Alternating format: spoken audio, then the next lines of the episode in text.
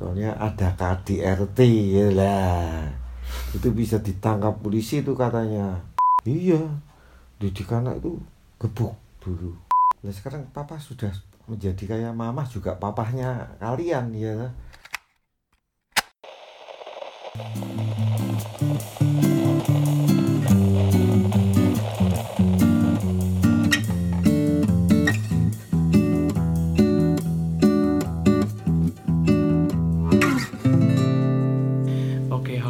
selamat datang di podcast Cua Papa.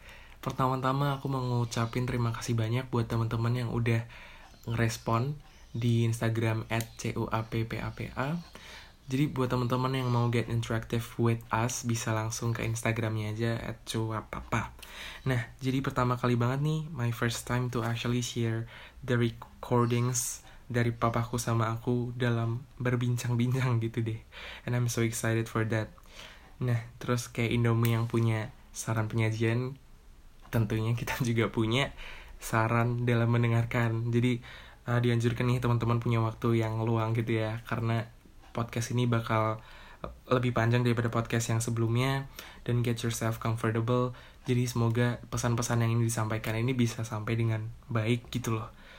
Dan sesuai dengan yang sebenarnya gimana gitu. Jadi kayak takut jadi maksudnya kalau kalian eh, nggak uh, fokus nanti takutnya salah tangkap gitu. Nah let's get into the business. Pertama aku bakal kasih background dulu tentang papaku. Jadi papaku lahir di tahun 52 di Jogja daerah deket Malioboro dengan 9 bersaudara. Yang mana dia anak keenam kalau nggak salah dan juga untuk etnisnya Chinese. Kenapa aku kasih tahu? Karena nanti bakal ada istilah-istilah panggilan-panggilan yang dari etnis itu kayak misalnya bobo kungkung susu dan segala macam deh. Uh, dan dia dia dulunya adalah sempat jadi warga negara asing tapi sekarang udah warga negara Indonesia.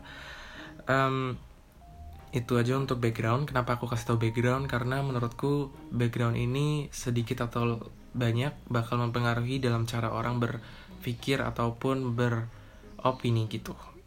Jadi ya yeah, it might help dalam kalian figuring must figuring out kayak kok bisa sih orang ini berpikir seperti ini dan segala macamnya gitu. Nah, untuk proses recordnya, jadi kemarin papaku re ada reuni di sini dan I think this is a good chance for me to apa ya, kayaknya wawancara sekarang aja gimana gitu. dan jadi kayak uh, pada saat itu aku mikir apakah aku mau wawancara atau enggak ya, karena sebenarnya podcast sebelumnya itu sudah dirilis sebelum aku ngasih tahu idenya ke papaku. Jadi kayak pada malam itu baru aku jelasin. Dan ternyata papaku ngerti ya ternyata ngerti gitu kayak. Jadi kayak uh bagus tuh lalalala terus dia malah jadi cari-cari topik apa yang sebenarnya bisa di share dan juga bisa untuk direkam tuh orang tertarik gitu deh jadi untuk pertama kali banget nih topiknya ngalir banget sih bener-bener kayak aku set topiknya itu ini dan nggak ada pertanyaan-pertanyaan yang aku siapin. Jadi bener-bener ya gitu deh kayak kayak langsung gitu deh intinya. Nah tanpa lama-lama kita bisa langsung uh, ke tempat kejadian perekaman aja kali ya. Oke oke oke. Kita cari dulu rekamannya mana? Oke okay, ini dia. Lego jadi gini kan ini awalnya pengantarnya maksudnya kayak kan aku pengennya sebenarnya membuat ini karena pengen tanya-tanya. Sebelumnya kan jarang kan ya kan ya gak sih? Jarang kan maksudnya kan jarang ngomong tanya-tanya yang serius kayak gini gitu kan. Terus jadi gini berawalnya misalnya awalnya banget nih kan dulu jadi zaman kecil. Dari zaman kecil kan dulu kan papa galak banget kan?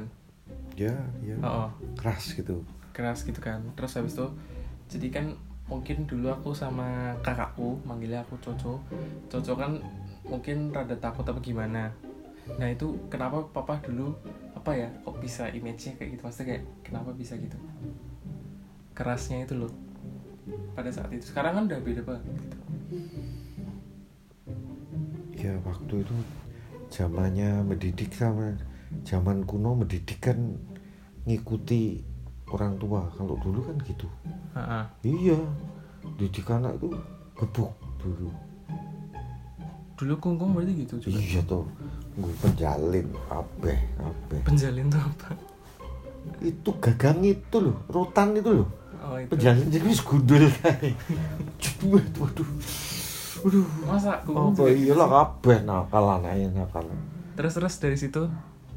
Nggak lah orang dulu tanya aja sampai orang dulu cara mengatasi anak nakal itu pakai tindakan apa jenenge tangan. pemukulan pasti ya untuk mencegah itu semuanya gitu tapi kan sekarang kan tidak boleh Berarti papa Dulu begitu. dulu kayak gitu. Ya. Terus habis itu pas yang zaman sama aku sama Coco itu ikut juga waktu itu cucu wah nakal tenan cucu gitu cucu lah Pung. kenapa ya cucu usil tuh lah Pung, cecak eber mm-mm, di kono so eber dijejak tuh tah anyar ditendang. Ditendang. Ditendang. Tumpah. Translate. tak sabet iki kaget anyar ning ngene kae mak ning lemah Terus dari cara itu ternyata menurut lalu papa lalu mulai mulai apa ya menyadari setelah sekarang ini ya apa tidak tidak diperkenankan. Kok bisa menyadari? Ya ya ya ikut zaman ya gimana sih? Wong zamannya ada nggak boleh keras terhadap anak di samping ikut bimbingan-bimbingan di sekolah dan juga di umum di tempat umum kan gitu nggak boleh. Berarti itu jadi zaman aku sekolah gitu? Iya loh. Itu udah bukan zamannya dikerasi kalau ya udah. Terus dari situ papa emang caranya gimana? Ya jangan diberitahu kalau salah ya. Apa ikut ikut kanu lah. Soalnya ada KDRT ya lah itu bisa ditangkap polisi itu katanya. Pada takut juga ya. Oh gitu. Iyalah ada peraturan KDRT loh. Nah terus kan dulu kan dari situ berarti oh ternyata karena itu aku baru tahu. Terus apa jadi kan agak segan terus habis itu kalau misalnya cerita cerita gitu kan lebih ke mama. Tanya-tanya gitu kan lebih ke mama gitu kan. Nah apa emang dulu papa gimana? Sama kalau sama papahnya papa? Apa maksudnya kan karena didiknya kan pakai tangan. Hmm. apa main tangan iya gitu kan? ringan tangan lah. Nah terus orang dulu jadinya tangan. maksudnya kayak kedekatannya misalnya mau tanya-tanya atau mau cerita gitu-gitu gimana? Orang dulu hubungannya seperlunya Seperlunya? ya nggak begitu dekat orang dulu. Seperlunya aja. Apalagi anaknya sembilan. Iya jadi seperlunya apa? Kalau nggak nakal ya nggak di, dia apain diam aja kecuali nakal baru diberitahu. Oh jadi dulu nggak ada konsep kayak kalau sekarang kan cerita nggak ada, gitu. nggak, nggak, nggak ada. Dulu nggak ada kalau baik ya sudah gitu aja. Diamin aja. Ya wis kon ajar aja dewe yang bener. waktunya belajar belajar. Mandi mandi. Ngono wae. Dulu kan gitu. Apa tidur belum sikat gigi yo. Gugah gebuk lah tuh sikat gigi dulu baru tidur. Boleh tidur. Dulu kan gitu telat mandi ya berarti dulu gimana deh kan kan sembilan papa kan sembilan bersaudara. Terus ngaturnya berarti dulu apa dulu bobo berarti semuanya diatur gitu? Iya ndak pakai baby sister kalau dulu. Digendong si wah anaknya sih ngambil wis. Tapi anak dulu nggak nakal seperti sekarang itu oh karena dulu emang yang takutnya itu ya? Anak dulu nggak se se se apa ya gesit sekarang itu nggak. Anak dulu nggak. Terus gimana maksudnya? Berarti dari 1 sampai 9 anak itu berarti ada yang deket ada yang enggak dong sebenarnya? Maksudnya kan harus cara mastiin deket apa enggaknya tuh gimana gitu? Nggak biasa aja tapi biasa aja cuman nggak nggak terlalu nganu loh ya kalau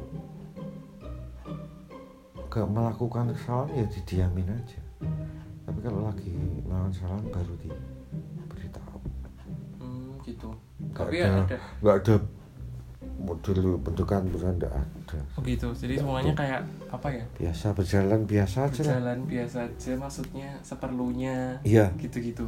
Yang kalau nggak ada apa-apa ya biasa aja nggak ada. Hmm, jadi nggak ada kayak usaha untuk misalnya sekarang kan rembukan rembukan Oh, oh, jarang gitu. jarang nggak oh, ada gitu. sekarang bobo ya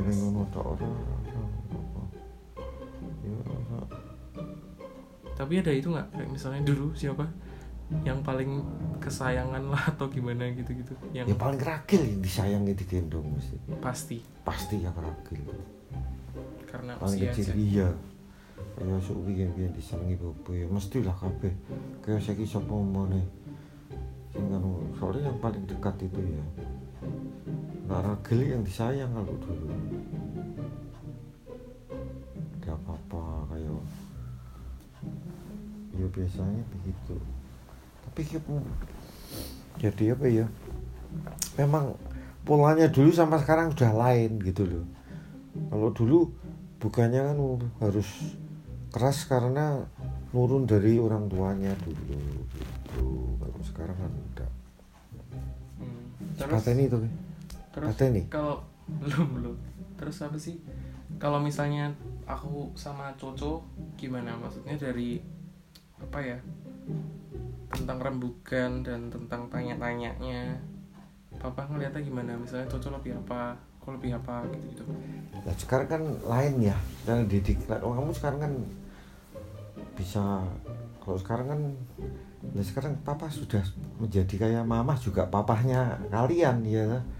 Wis apa terbuka apa adanya sekarang zamannya. Berarti dulu papa nggak tahu sama sekali apanya? bobo kungkung kakek nenek maksudnya apa ya? Berarti maksudnya kayak ada pertanyaan yang papa nggak tahu jawabannya apa gitu loh. Apa papa ngerti semua tentang bobo dan kungkung? Ya, kan nggak pernah nggak begitu dekat nggak nggak nggak begitu dekat. Hmm, cuma apa ya? Ya cuma apa ya? Kita anggap mereka mau apa punya kasih sayang terhadap kita. Jadi apa ya? Kasih sayang jadi gitu hidupnya kalau anak sembilan kalau nggak bisa apa ya terlalu dekat merinci nggak bisa. Kecuali pas jadi beda kayak ada sakit ya mulai ulang tahun ya enggak ada ulang tahun kalau dulu apain nih lah sembilan. Ya enggak ada biasa aja cuma kalau sakit diperhatikan itu aja kita dari kasih sayang itu. Apa kalau pas sakit pas apa gitu. Atau berhasil apa sekolahnya bagus ya dipuji gitu aja lah. Kalau enggak ya enggak, ada. Dulu enggak terlalu kan makanya anak dulu kan harus yang agresif yang jadi pintar. Kalau yang orangnya diam-diam ya enggak bisa apa hmm, orang ya. tuanya tidak menu ini kalau ya kebetulan enggak enggak enggak enggak, enggak begitu. Anu lah. Tapi tipikal maksudnya pada tahun segituan berarti itu tahun berapaan ya pak? Ya ya 60-an ya mungkin ya. 60-an berarti tahun segitu kebanyakan keluarga tuh kayak gitu? Kebanyakan loh saya nggak tahu ya. Iyalah Hmm, cara didiknya ya begitu. Yang saya tahu ya cuman seperti saya bilang ada yang sebagian memang kalau bisa merhatikan anaknya untuk sekolah kalau tempat papa oke oke. Oke. Jadi kasih sayangnya beda ya kasih sayangnya ada cuma kita kadang-kadang eh bobo ki ora tau dolan mesak ya ora tau piye-piye. Jadi bener-bener kayak dulu tuh apa ya rasanya kayak nggak pakai hati gitu ya maksudnya gimana ya Pokoknya kerja kerja kerja kerja Terus gitu oh ngopeni anak wis koyo ora duwe anu lho. Kerja-kerja sampai kesel ngono wis. kayak Ya sekalian ndak ada beban lho pokoke. nggak ada beban Oh, sakit wis. hati tidak Pokoke dirasa. ngono ya ku turu wis ku tangi menah kerja meneh. Wis anu tujuane opo ya nek nurut aku lho kadang. Sing penting iso ngopeni anak ngono tok. hmm. Iso gedhekke iso nyokolahke wis. Itu pun tidak punya tuntutan berbalik kadang-kadang kan itu orang tua orang tua itu kan begitu. Kayak ya, ya maaf kan kayak binatang lah mungkin. Ya kayak dia oh nek lepas itu nek disusoni dia begitu segede yo. Kuwi arep popo gitu tapi kalau orang kan lain lagi. Kalau belum kerja ya tetap orang tua bapak walaupun kayak apa ya tetap di gitu loh ceritanya kayak macan bareng tuh kan gitu. Wah kasih sayangnya ya lulus-lulus disusoni begitu gede kan nggak mau. Gua harus cari makan sendiri. Hmm. ada. Oke, udah sih tadi aku mau tanya-tanya tentang untuk membuka tanya-tanya ini. Budaya berembuk dan tanya-tanya antara aku dan papa gitu. Oke, gitu dulu. Oke, so that was the interview dan aku dapat beberapa hal yang aku bagi jadi beberapa poin. Untuk yang pertama adalah aku tahu betapa seorang bapak itu suka yang namanya building image yang kadang-kadang bukan dirinya gitu. Jadi dia merasa untuk jadi seorang bapak kayaknya dia harus menjadi image yang seperti ini. Kayak papaku dulu gitu. Nah, mungkin kadang-kadang tuh image ini keterusan. Sampai sekarang, sampai kalian udah besar mungkin. Dan jadi dari situ aku berpikir kayak sebenarnya mungkin jika kalian mikir kayak oh kayaknya bapakku kayak gini. Tapi sebenarnya enggak gitu loh karena sebenarnya kalian menurut kalian bapak kalian seperti itu tuh adalah image-nya dia gitu. Sebenarnya bisa lebih open up dari itu. Nah, mungkin caranya itu ya lebih ke open up dari masing-masingnya sih misalnya kalian open tentang diri kalian dari situ mungkin uh, bapak akan juga bisa open up tentang dirinya dia sebenarnya gitu. Tapi nggak tahu juga kalau misalnya emang dia orangnya seperti itu ya. Tapi ada tendensi untuk building image kalau dari yang aku dapat dari interview. Terus uh, jadi yang poin selanjutnya adalah aku tahu aku sadar kalau misalnya papa aku yang papaku yang sekarang itu adalah bentukan dari parenting yang dia dapat dari kakek dan nenekku dulu gitu loh. Yang mana kita tahu ada sayings yang mengatakan susah untuk mengubah orang cara hidup orang yang udah bertahun-tahun gitu loh. Yang tiba-tiba kayak lu harus berubah nih kayak gini gitu. Nah, itu juga terjadi di papa kita gitu loh. Karena dia udah dibiasakan seperti ini dan dengan berganti zaman dia kan harus menyesuaikan nah ada effort gitu di situ dan kalian harus tahu struggle-nya gitu loh. Nggak semudah itu.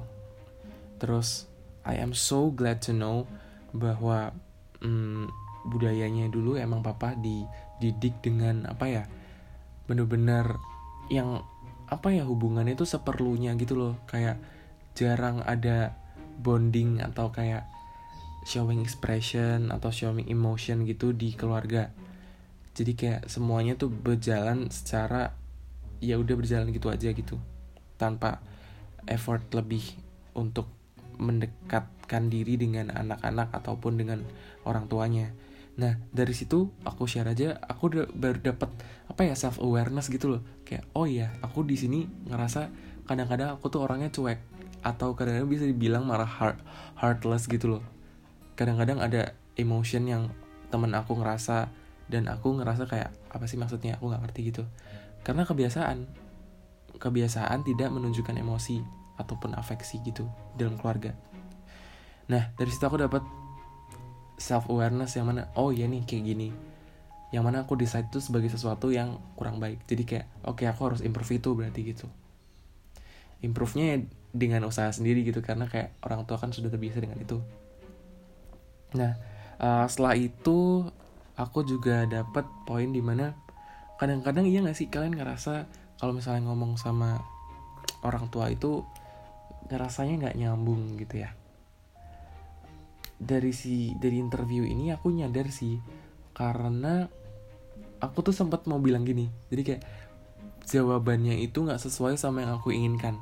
Nah, sebenarnya kan aku bertanya ya. Bertanya kan harusnya ya mungkin boleh ada ekspektasi atau gimana tapi ya namanya orang opini orang itu pasti bisa jadi berbeda sama kita gitu.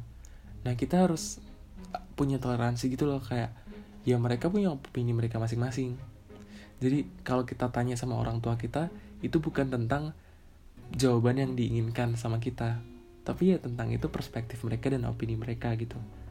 Dan emang dari situ aku juga tahu kalau misalnya jawaban-jawabannya itu kadang-kadang susah gitu loh untuk dimengerti. Dan emang harus dikorek-korek gitu. Dan menurutku itulah emang effort emang effort yang harus kita tempuh harus kita lakukan untuk mendapatkan jawaban yang kita inginkan gitu. Jadi nggak semata-mata kayak kita interview ke teman kita ataupun ke orang-orang lain yang mungkin cara komunikasinya sama. Karena kita hidup di era yang beda. Mungkin di era yang beda aku nggak tahu sih kalian mungkin punya orang tua yang nggak terlalu sesi umurnya jauh. Tapi pasti ada perbedaan untuk cara berkomunikasi dan segala macamnya karena uh, kita dealing dengan pergaulan yang berbeda.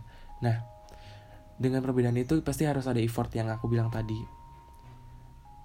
Effort yang tadi itu untuk apa ya paling enggak ah, paling enggak mengantisipasi cara berkomunikasi satu sama lain gitu deh. Gitu. Jadi aku dapat tiga poin itu Nah, untuk closing statement, I actually want to challenge you guys untuk ngobrol bareng papa ataupun orang yang kalian cintain, keluarga dan segala macamnya selama orang itu masih ada. Don't forget to share experience to Instagram at cuapapa at c u a p p a p a biar story kalian juga bisa dibagikan dengan orang-orang yang mungkin memiliki struggle yang sama gitu. Jangan lupa klik follow on Spotify untuk tahu perkembangan podcast ini. Feel free to share this podcast if you think that this podcast is worth worth to share. Uh, like untuk dibagikan dan feel free untuk uh, beri kasih kita masukan biar podcast ini juga semakin impactful buat orang-orang. Oke, okay, I think that's all. Bye.